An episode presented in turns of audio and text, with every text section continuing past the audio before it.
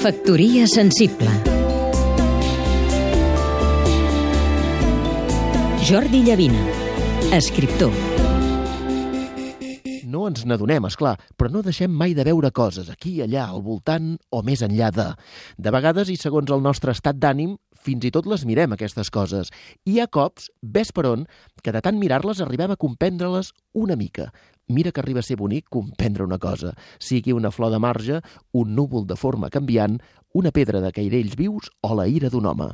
John Berger és un gran escriptor anglès, novel·lista octogenari, i és, tant com això, un dels més grans pensadors del món de l'art que tenim ara mateix.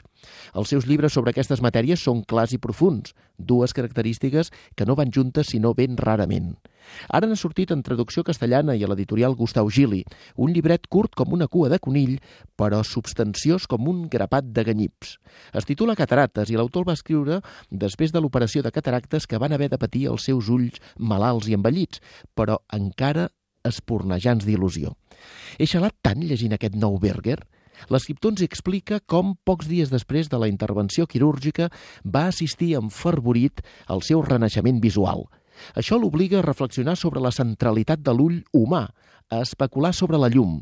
Meravella del text, meravella de la sensibilitat humana, que si el blau que ara veu amb una nitidesa gairebé oblidada, que si el blanc, que a còpia d'anys, el tel dels ulls havia anat esmorteint, apagant, empolsegant, el festí dels colors, la natural predisposició de la llum. Mentre hi hagi llibres com aquest, no serem bèsties del tot, us ho asseguro. Factoria sensible. Seguim-nos també a catradio.cat